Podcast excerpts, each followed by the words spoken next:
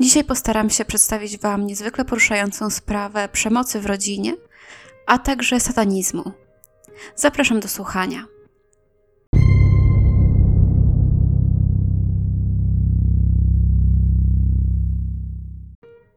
Sandy i Paul poznali się w 1964 roku w koledżu. Oboje mieli wtedy około 18-19 lat i już samodzielnie się utrzymywali. Sandy pracowała jako pokojówka, a Paul jako dozorca w zakładzie mleczarskim.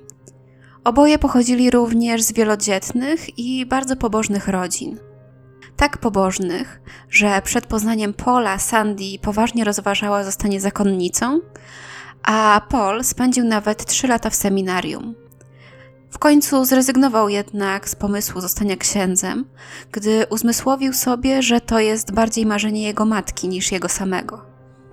Para pobrała się po zaledwie pięciu miesiącach znajomości, w lutym 1965 roku, gdy oboje mieli po 19 lat.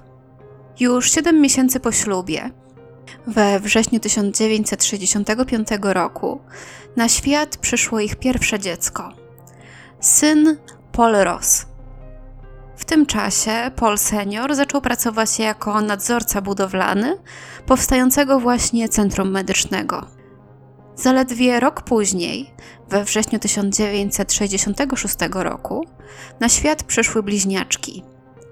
Andrea, która urodziła się bardzo wątła i miała niedowagę, i Erika, prawdziwy okaz zdrowia. Niedługo po swoim narodzeniu Andrea zachorowała na zapalenie opon mózgowo-rdzeniowych. Prawie zmarła, jednak ostatecznie przeżyła. Cierpiała jednak na obrzęk mózgu, przez który była nieuleczalnie upośledzona umysłowo. W tym czasie, gdy Sandy i Paul mieli już trójkę małych dzieci, Paul znalazł pracę jako domokrążca sprzedający aparaty fotograficzne. Praca ta wiązała się z podróżami po całym kraju. Polowi nawet to odpowiadało, ponieważ mógł zobaczyć miejsca, których w innych okolicznościach pewnie nigdy nie udałoby mu się zobaczyć. Jednak wiązało się to z tym, że Sandy została w domu z trójką malutkich dzieci. Było to bardzo uciążliwe, tym bardziej, że Andrea ciągle chorowała i co chwilę wracała do szpitala. W końcu małżeństwo zdecydowało się oddać dziecko do ośrodka opiekuńczego, gdzie spędziła resztę swojego życia. W 1968 roku na świat przyszedł kolejny syn pary, Chad. W tym czasie Paul wrócił już na stałe do domu i znalazł pracę, która nie wymagała podróżowania po całych Stanach. Znalazł pracę jako agent terenowy w Retail Credit Company. A Sandy zaczęła dokładać do domowego budżetu, opiekując się dziećmi sąsiadów. W 1970 roku na świat przyszła kolejna córka pary, Julie. W tym czasie Sandy i Paul wzięli kredyt i wybudowali dom. Nie był to jakiś ogromny dom. Jedną sypialnię dzielili chłopcy, a drugą dziewczynki. Trochę później w piwnicy udało się urządzić kolejną sypialnię i salę gier. Później do tej sali gier Paul bardzo często zapraszał swoich kolegów na grę w pokera. Sandy i Paul uwielbiali być samowystarczalni. Hodowali kury, króliki, krowy i kaczki.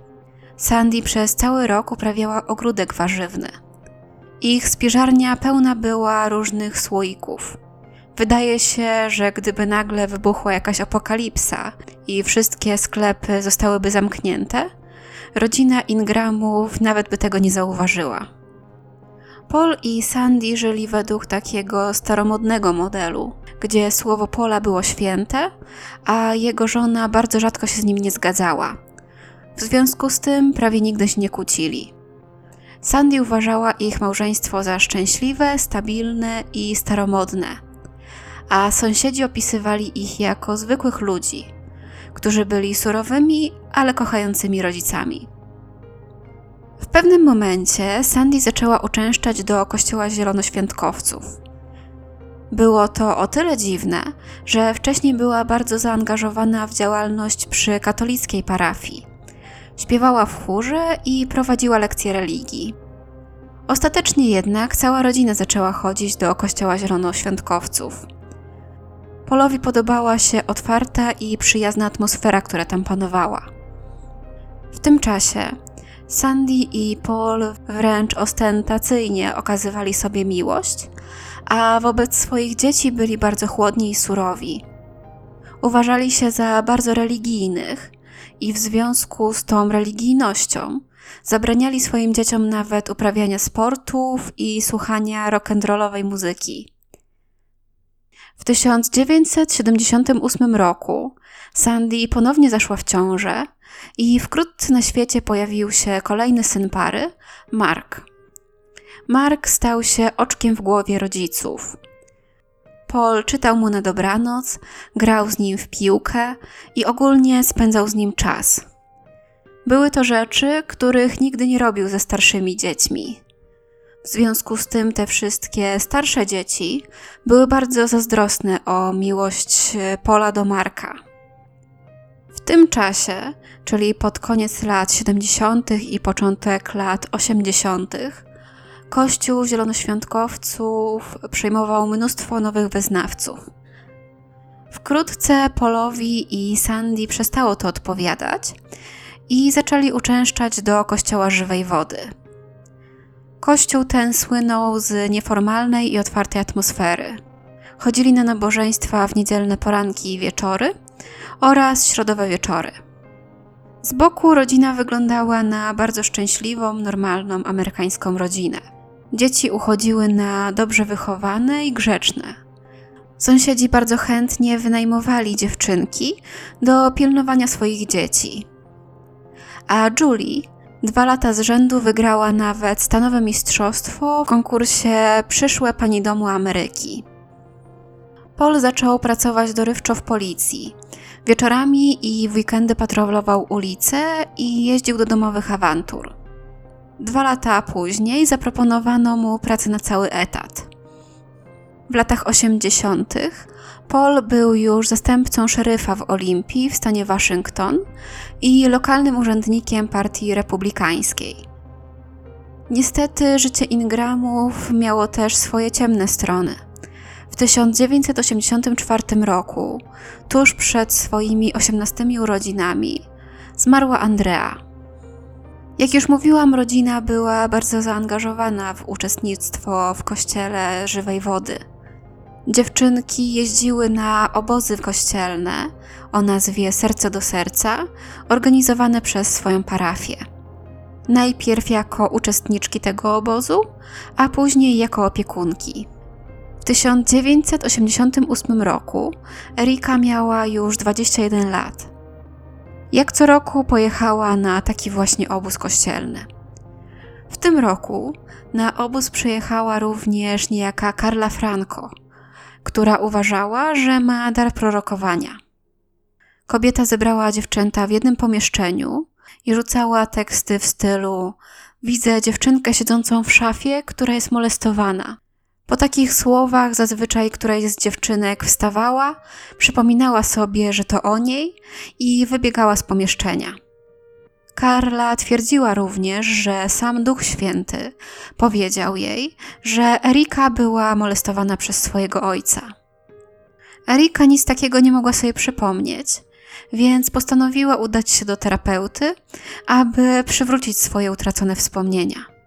Wkrótce dzięki terapii Erice udało się ustalić, że faktycznie była molestowana od ojca i to od piątego roku życia. Przypomniała sobie również, że wykorzystywanie seksualne trwało aż do momentu, gdy dość niedawno wyprowadziła się z domu. Przypomniała sobie nawet, że pewnego razu zaraziła się od swojego ojca chorobą przenoszoną drogą płciową i była leczona przez dwóch lekarzy. Jednego w Kalifornii, a drugiego w Olimpii. Kilka tygodni później, jak udało jej się przywrócić te utracone wspomnienia, powiedziała swojej matce i policji, że ojciec ją molestował. Co ciekawe, nie był to pierwszy zarzut molestowania seksualnego, który Erika zgłosiła na policji. W 1983 roku oskarżyła radcę kościelnego o usiłowanie gwałtu. Śledztwo policyjne wykazało jednak, że mężczyzna jedynie podwoził Erikę i położył jej rękę na kolanie. Jest to oczywiście pewien rodzaj molestowania seksualnego, ale raczej ciężko kogoś za to skazać, tym bardziej na początku lat 80. Dwa lata po tym wydarzeniu, w 1985 roku, Erika wraz ze swoją młodszą siostrą Julie oskarżyły swojego sąsiada o wykorzystywanie seksualne. Prokurator w końcu jednak wycofał zarzuty z powodu niespójności w zeznaniach Julie. Wszystkie te zarzuty Erika wnosiła po powrocie z tych kościelnych obozów. Wróćmy jednak do 1988 roku, gdy 22-letnia Erika oskarżyła swojego ojca o gwałty i później przyłączyła się do niej jej 18-letnia siostra Julie, która mówiła, że również była wykorzystywana przez swojego ojca. Siostry powiedziały policji, że on i jego kumple od pokera, którzy co tydzień grali w pokera w domu Ingramów, wykorzystywali je seksualnie. Dla policjantów było to o tyle nietypowe, że większość tych kumpli, z którymi Paul spotykał się na pokera, pracowało z nimi na komisariacie policji. Tak więc policjanci, rozpatrując tą sprawę, będą musieli przesłuchiwać sami siebie nawzajem. Ostatecznie 28 listopada 1988 roku Paul został wezwany do biura swojego szeryfa, który poinformował go, że Julie i Erika oskarżyły go o molestowanie seksualne. Po tym, gdy Paul to usłyszał, jego odpowiedzi były dość dziwne i dwuznaczne.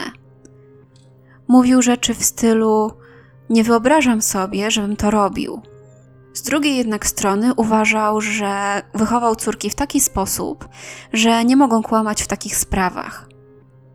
Paul początkowo uważał, że nic takiego nie mogło mieć miejsca, że nie pamięta o tym, aby kiedykolwiek choćby tknął swoje córki w niewłaściwy sposób. W końcu jednak powiedział, że musi istnieć jakaś jego ciemna strona, o której nie wie.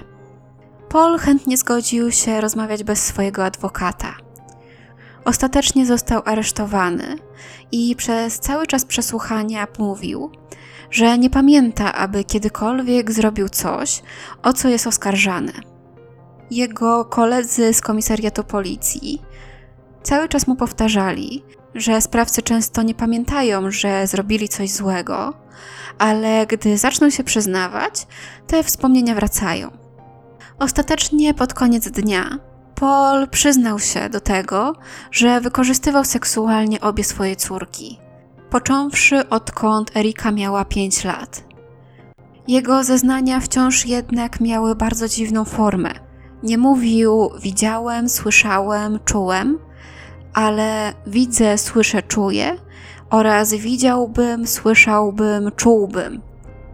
Tak jakby na bieżąco wymyślał to, co ma mówić, albo przypuszczał, że musiałby się zachować w dany sposób, nie tak, jakby sięgał do swoich wspomnień. Niedługo później dziewczęta oskarżyły dwóch innych mężczyzn o to, że za zgodą ich ojca oni również wykorzystywali je seksualnie. Pierwszym z nich był mechanik samochodowy Raymond Risher, a drugim detektyw do spraw przestępstw seksualnych w biurze szeryfa James Rabi.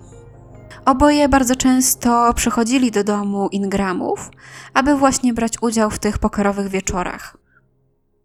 Julie i Erika uważały, że ich matka, Sandy, odegrała stosunkowo bierną rolę w tych nadużyciach.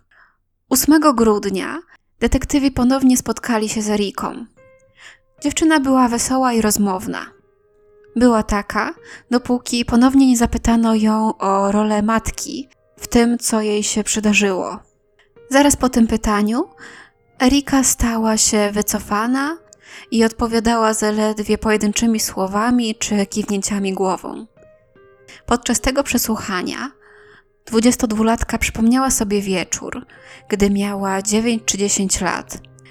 Tego wieczoru Sandy miała wejść do jej pokoju, a następnie za nią wszedł Paul, Rabi i Rish. Rabi ją rozebrał i robił jej zdjęcia. Rish trzymał broń. Matka wszystko widziała, jednak nie brała w tym udziału. Była tylko biernym obserwatorem.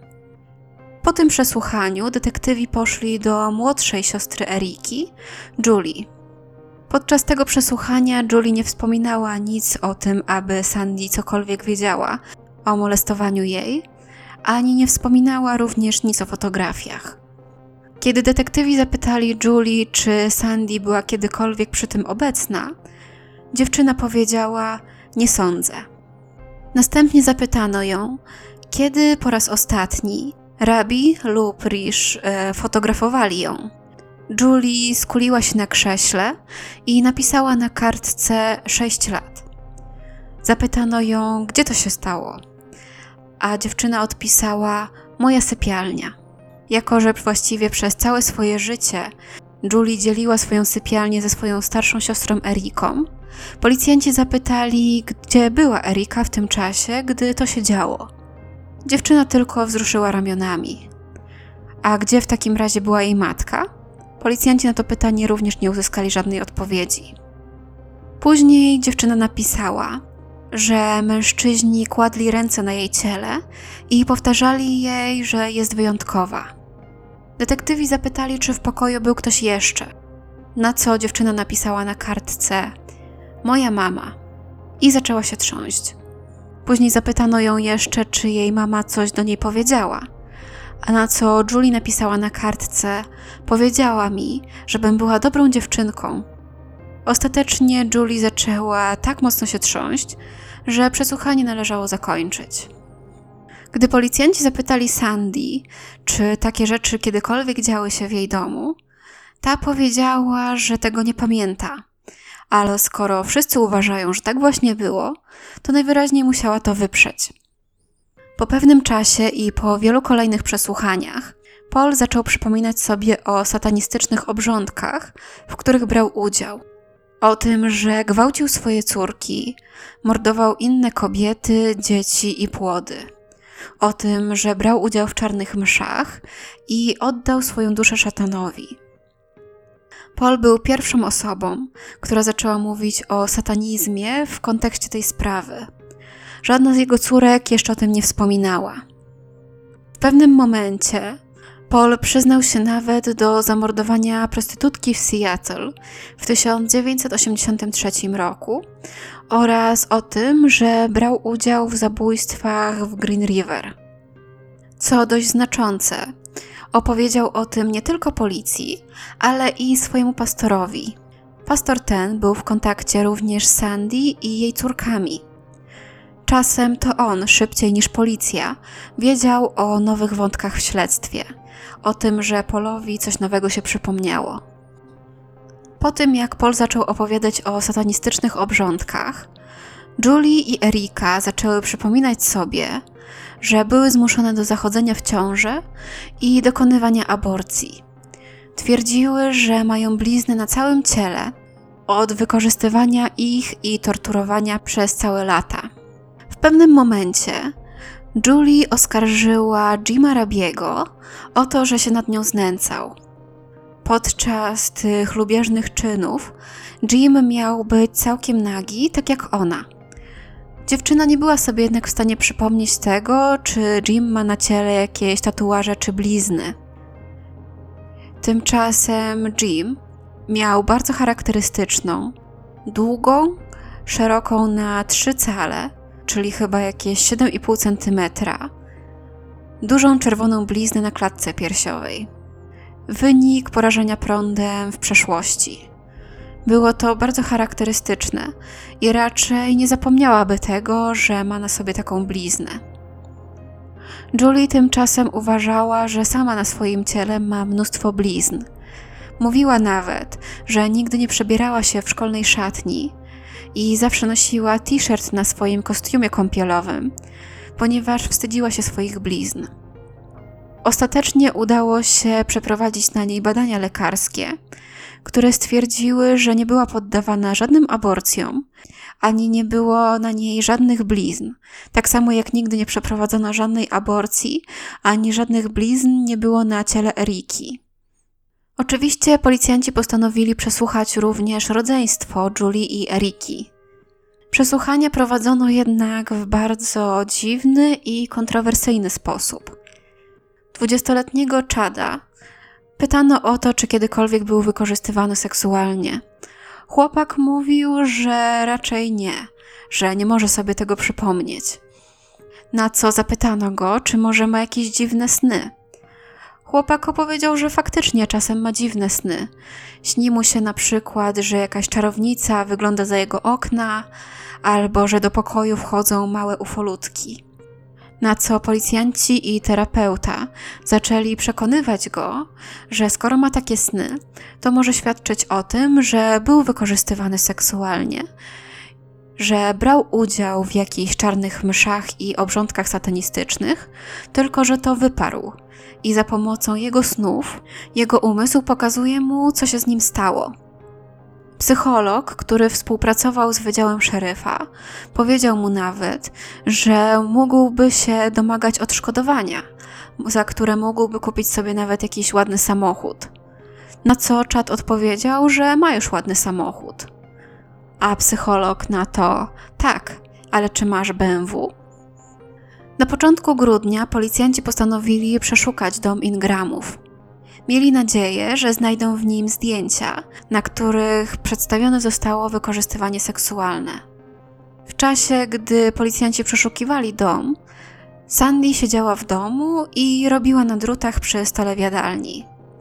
Mimo, że policjanci nie znaleźli żadnych zdjęć, poinformowali Sandy o jej prawach i powiedzieli również, że prowadzą śledztwo mające na celu ustalić, jaki był jej udział w tej sprawie.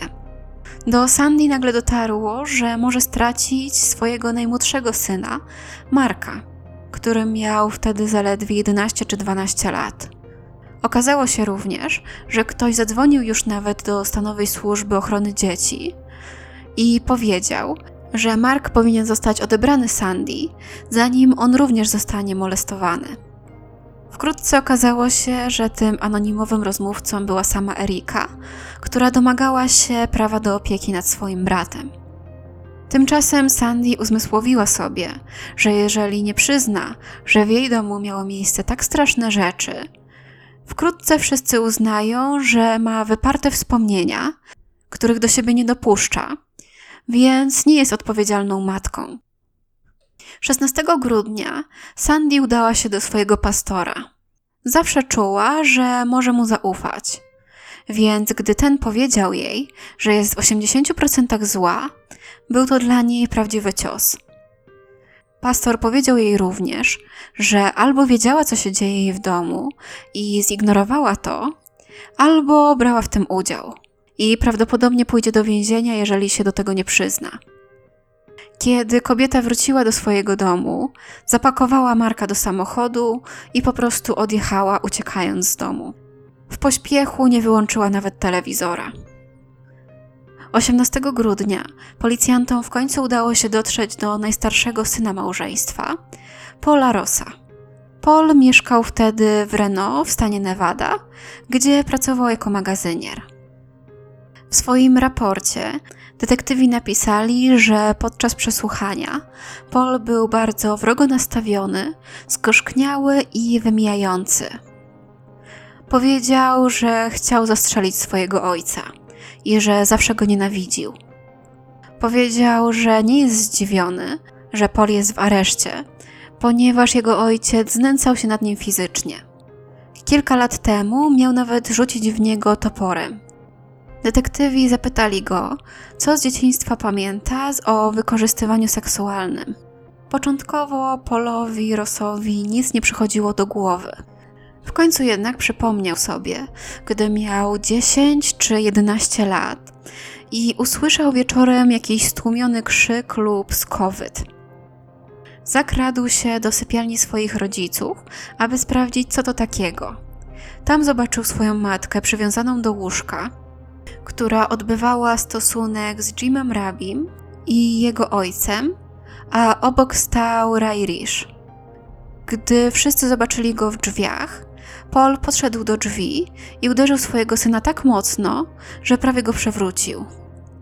Następnie krzyknął na niego i zamknął drzwi. Paul Ross powiedział, że właśnie przez tamto wydarzenie później miał ogromne problemy z alkoholem. Ostatecznie 20 grudnia Sandy zostawiła Marka ze swoją rodziną, a sama wróciła do Olimpii, gdzie udała się prosto do swojego pastora. Tym razem pastor był bardziej wyrozumiały. Powiedział jej, że gdy mówił o tym, że jest w 80% zła, miał na myśli również to, że jest w 20% dobra. I właśnie te 20% sprawiło, że kobieta wróciła. Była to również ta część, która próbowała sobie przypomnieć, co właściwie się wydarzyło. Pastor opowiedział jej również o niektórych ze wspomnień, o których opowiadał Paul. Wiele z tych wspomnień dotyczyło wydarzeń satanistycznych. Sandy powiedziała, że ona nie pamięta, aby cokolwiek z tych rzeczy miało miejsce. Ostatecznie jednak również Sandy zaczęła przypominać sobie, że jakieś okropieństwa miały miejsce w jej domu. Pierwszym wspomnieniem, które udało jej się odzyskać, było to, jak była przywiązana do łóżka i odbywała stosunek z Rishem. Paul stał obok i pilnował drzwi. Następne wspomnienia również tyczyły się tego, że odbywała z kimś stosunek z Polem, Rishem czy Rabim w różnych konfiguracjach. Ostatecznie po tym spotkaniu z pastorem, Sandy wróciła do Marka, aby spędzić z nim Boże Narodzenie. 30 grudnia Erika napisała kolejne oświadczenie. Odkąd skończyłam około 5 lat, do czasu, gdy miałam 12 lat, pamiętam jak ojciec wyniósł mnie z łóżka w środku nocy. Było tam wielu ludzi czekających na zewnątrz przy stole. Niektórzy z nich to Jim Rabi, Ray Rish, mama, tata, wysoka kapłanka w szatach. Ludzie chodzili ubrani na biało, czerwono i czarno. Było tam wielu mężczyzn i kilka kobiet. Śpiewali, kiedy mnie wynoszono. W środku nocy było zimno, a ja miałam na sobie tylko koszulkę nocną. Moja mama chodziła z nami do stodoły od chwili, gdy zabrano mnie z łóżka, do czasu, gdy byliśmy w stodole. W stodole znajdował się stół. Był też pożar. Wszyscy ludzie przy stole, w tym moja mama i tata, nosili suknie i kapelusze przypominające kapelusze wikingów z rogami. Wszędzie było pełno krwi. W ziemi były widły. Z ofiarą kładli je najpierw na stole, a potem wysoka kapłanka podnosiła to, co wszyscy ludzie śpiewali.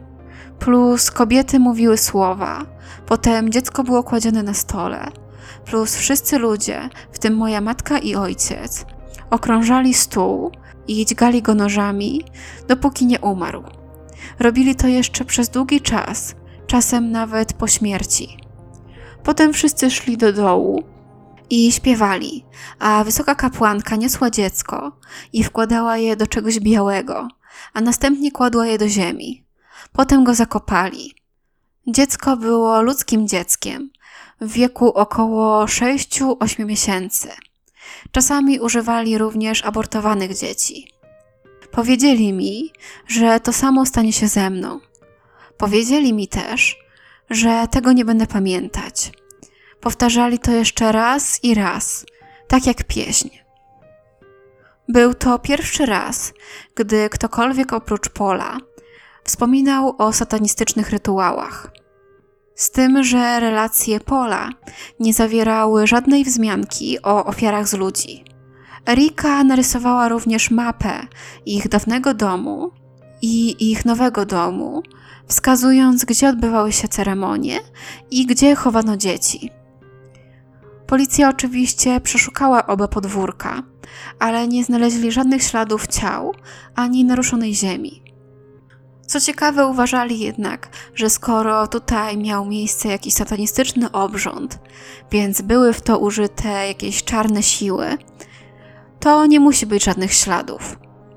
Ostatecznie Erika przypomniała sobie również, że była zmuszona do odbywania stosunków ze zwierzętami i podczas niektórych z nich dołączała ich matka. Mówiła, że była obecna przy jakichś 850 satanistycznych rytuałach, które obejmowały łącznie o jakieś 25 ofiar z niemowląt. Nie była sobie jednak w stanie przypomnieć żadnego ze słów pieśni satanistycznej, ani nawet tego, czy podczas tych obrzędów stała, czy siedziała. Było to dość dziwne, skoro miała brać udział w prawie tysiącu takich wydarzeń. Tydzień później policjanci spotkali się z Julie. Zapytano ją, czy komunikowała się z Eriką w sprawie. Julie odpowiedziała: Zadzwoniła do mnie i opowiedziała mi o satanistycznych rzeczach. Policjanci zapytali ją, czy pamięta coś z tego, na co ta odpowiedziała, że pamięta jedynie grzebanie zwierząt kus, krów i kurczaków. Nie wiedziała jednak, czy zwierzęta zmarły naturalnie.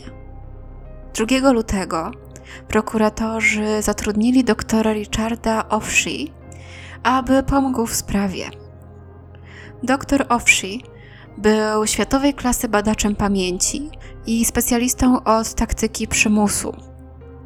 Studiował chińskie komunistyczne techniki prania mózgu i metody rekrutacji grup politycznych i sekt religijnych. Offshee postanowił przeprowadzić eksperyment. Powiedział Polowi, że rozmawiał z jego córkami i synem, którzy zeznali mu, że Pol zmuszał ich do odbywania razem stosunków. Paul początkowo zaprzeczył, aby coś takiego miało miejsce, a raczej powiedział, że niczego takiego sobie nie przypomina. Doktor Owszy poprosił go więc, aby wrócił do swojej celi i zastanowił się nad tym. Ingram właśnie to zrobił. Poszedł do swojej celi i wszedł w stan podobny do jakiegoś transu, podczas którego wygenerował szczegółowy scenariusz tego, co się wydarzyło. Następnie napisał wielostronnicowe wyznanie i podpisał się. Owszy postanowił również przeprowadzić drugi eksperyment. Podczas jednego z zeznań Pola śledczy poprosili go, aby zorientował się, która jest godzina. Pol oczywiście nie wiedział, kiedy to miało miejsce, więc śledczy naprowadzili go na to, aby spojrzał, czy któryś z uczestników nie ma zegarka. A gdy Paul to potwierdził, poprosili go, aby spojrzał, która jest godzina na tym zegarku.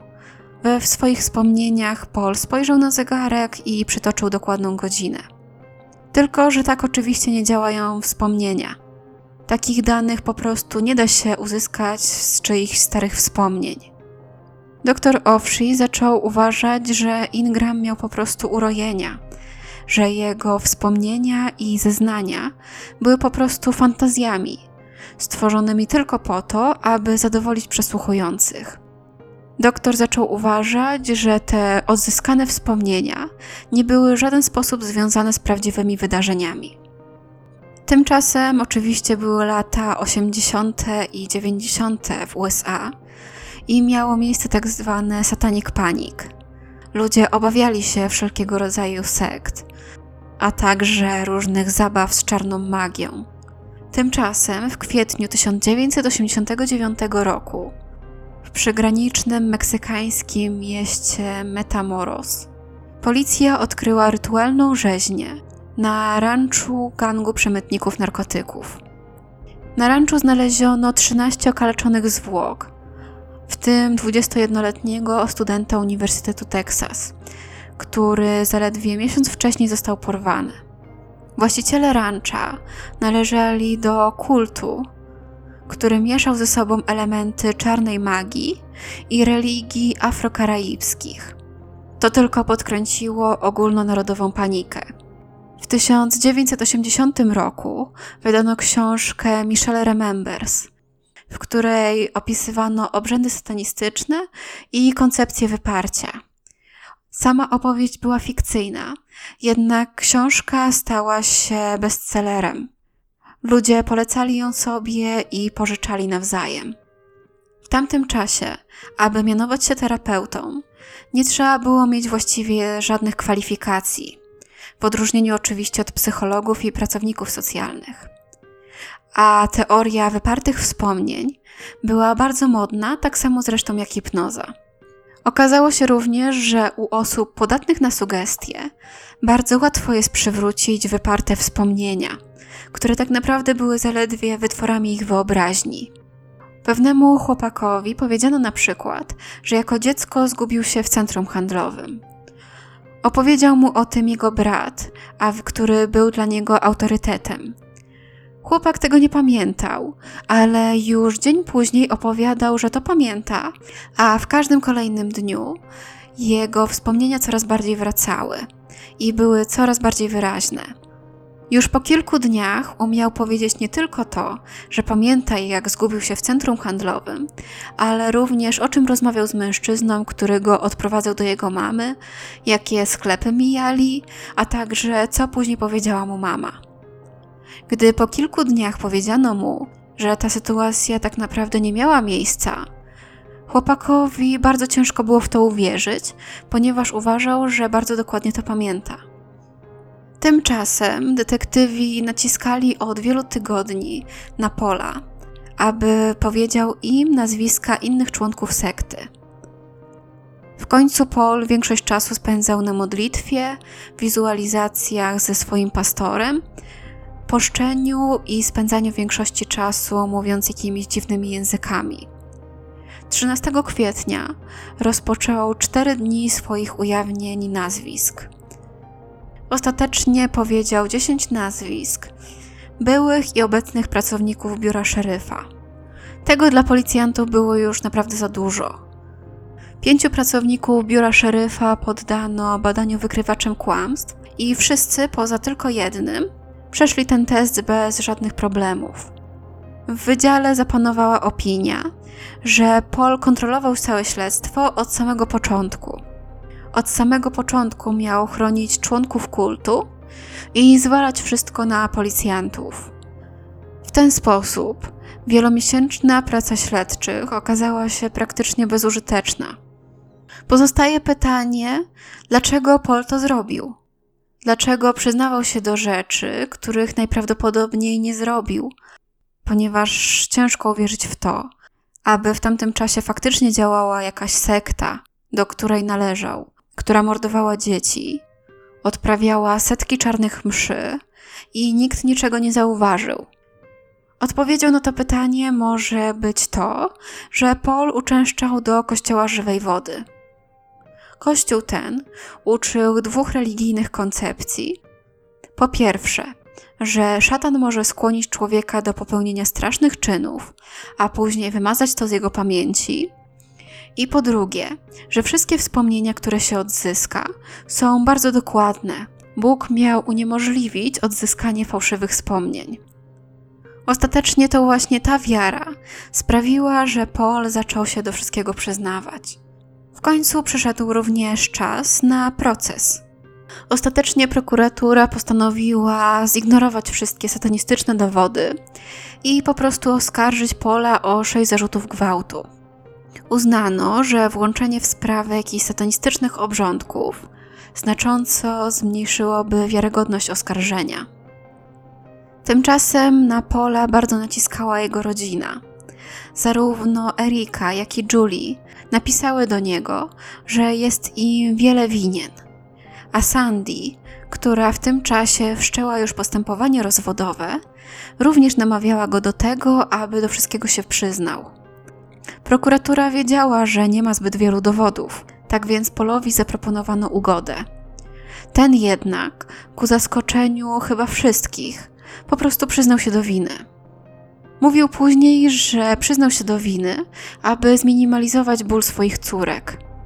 W tamtym czasie był pewien, że jego córki nie mogły kłamać i że musiało wydarzyć się wszystko tak, jak one mówiły, mimo że jego własne wspomnienia były bardzo niejasne. Dzięki przyznaniu się do winy, Paul mógł również uniknąć tego, aby jego córki stanęły przed sądem jako świadkowie. Chciał, aby nie musiały przeżywać tego stresu i bólu. Już pod koniec śledztwa sędzia był zmuszony opóźnić wydanie wyroku, gdy okazało się, że Julie otrzymała list z pogróżkami od swojego ojca. List głosił: Jak się ma moja wyjątkowa mała dziewczynka? Czy zdajesz sobie sprawę, ile kłopotów zrobiłaś naszej rodzinie? Naprawdę spieprzyłaś to i, prawdę mówiąc, rozerwałaś nas na zawsze. Już nigdy nie będziesz częścią naszej rodziny. Zraniłaś mamę tak bardzo, że zniszczyłaś ją, że chce umrzeć. Zdajesz sobie sprawę, że jest wiele osób, które chciałyby widzieć cię martwą, i jest również kilku polujących na ciebie. Podpisano Twój były ojciec Paul. Jednak gdy tylko detektywi zobaczyli ten list, zdali sobie sprawę, że jest on napisany pismem Julie. Tak więc dziewczyna napisała ten list sama do siebie. Pod koniec śledztwa Paul zaczął również mówić o tym, że jest niewinny. Podczas procesu powiedział: Stoję przed Tobą, Boże. Nigdy nie wykorzystywałem seksualnie moich córek. Nie jestem winny tych zbrodni. Okazało się jednak, że sędzia nie jest zainteresowany tym, że Paul nagle zmienił zdanie i przestał przyznawać się do winy, że wystarczy mu to, że przyznał się do winy wcześniej. Ostatecznie Paul Ingram został skazany na 20 lat pozbawienia wolności z możliwością zwolnienia warunkowego po 12 latach kary. Jima Rabisha oskarżono o 7 gwałtów drugiego stopnia na osobie małoletniej, gwałt drugiego stopnia na osobie dorosłej oraz czyny lubieżne, a Raya Risha o 3 gwałty drugiego stopnia na osobie małoletniej oraz gwałt drugiego stopnia na osobie dorosłej. Ostatecznie wszystkie zarzuty przeciwko nim zostały odrzucone i po 158 dniach spędzonych w areszcie obaj mężczyźni zostali zwolnieni. Jako powód odrzucenia zarzutów podano, że Julie i Erika były zbyt przerażone, by zeznawać. Oboje wciąż mieszkali w Olimpii, jednak wielu mieszkańców wciąż uważało ich za winnych. Jim Rabi otworzył firmę, jednak ostatecznie zbankrutował. Zarówno Jim, jak i Ray nie mieli łatwego życia po tym uwolnieniu. Ludzie patrzeli na nich i uważali ich za winnych. Nie chcieli mieć z nimi nic do czynienia. Już po tym, gdy zapadł wyrok na polu, Erika wzięła udział w programie telewizyjnym, podczas którego opowiedziała o tym, co ją spotkało, o tym, co jej zrobił ojciec i w jakich rytuałach brała udział. W tym programie wziął również udział Jim Rabi, który chciał opowiedzieć o tym, jaka niesprawiedliwość go spotkała. O tym, że jest niewinny. Tak samo zresztą twierdził inny z zaproszonych gości, dr Owshi. Okazało się jednak, że publiczność była zdecydowanie po stronie Eriki. Mówili o tym, jak bardzo jej współczują, i mówili o tym, że nie wyobrażają sobie mieć takiego potwora za ojca. Tymczasem Paul próbował złożyć apelację, jednak nie był w stanie tego zrobić. Zwrócił się nawet do Sądu Najwyższego stanu z Waszyngton o zgodę na wycofanie przyznania się do winy, jednak jego odwołanie zostało odrzucone. Bezskutecznie ubiegał się o ułaskawienie. W 1996 roku ubiegał się o zwolnienie warunkowe. Miało to rozpatrzeć pięć osób. Paul uzyskał dwa głosy przeciwko zwolnieniu, jeden za zwolnieniem i jeden wstrzymujący się. Przewodnicząca komisji nie ujawniła swojego głosu. Paul spędzał czas w więzieniu ucząc czytania i pisania innych więźniów oraz modernizując systemy komputerowe zakładów karnych. W 1999 roku zmarł ojciec Pola. Nie pozwolono mu uczestniczyć w pogrzebie. Jego zmatka zmarła 4 lata później. Na tym pogrzebie mógł już uczestniczyć, ponieważ został zwolniony zaledwie kilka miesięcy wcześniej, w wieku 57 lat. Paul wyszedł z więzienia po prostu po odbyciu swojej kary. Wyszedł, ale wciąż jest zarejestrowanym przestępcą seksualnym, co znacznie utrudnia mu życie. Tak więc odzyskane, wyparte wspomnienia jego i jego córek tak naprawdę zniszczyły mu całe życie. Zniszczyły życie nie tylko jego, ale również całej jego rodziny, która po prostu została całkowicie rozbita. I na tym dzisiaj zakończymy. Jestem bardzo ciekawa, co myślicie o tej sprawie. Czy słyszeliście o niej wcześniej, czy może słyszeliście o teorii wypartych wspomnień? Napiszcie koniecznie w komentarzach, co myślicie. A tymczasem trzymajcie się bezpiecznie i do usłyszenia niedługo.